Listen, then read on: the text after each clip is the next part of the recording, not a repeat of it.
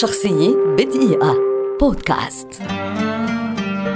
سيمون دو بوفوار كاتبة ومفكرة فرنسية شهيرة ولدت عام 1908 وتعد من أبرز فلاسفة الوجودية وهي ناشطة سياسية ونسوية إضافة إلى أنها منظرة اجتماعية. كتبت دوبوفوار خلال مسيرتها العديد من الروايات والمقالات والسير الذاتية ودراسات حول الفلسفة والسياسة وأيضا عن القضايا الاجتماعية. اشتهرت برواياتها والتي من ضمنها المدعوة والمثقفون التي نشرت عام 1954 بعد نهاية الحرب العالمية الثانية والتي بفضلها حازت دوبوفوار على الجائزة الأدبية الأعلى في فرنسا جائزة كونكور. كما اشتهرت أيضا بكتابها الجنس الآخر والذي كان عبارة عن تحليل مفصل حول اضطهاد المرأة وبمثابة نص تأسيسي للنسوية المعاصرة.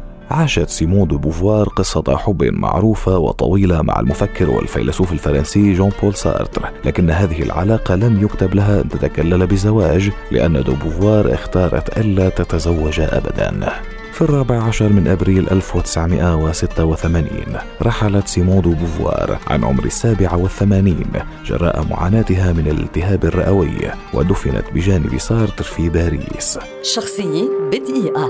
بودكاست.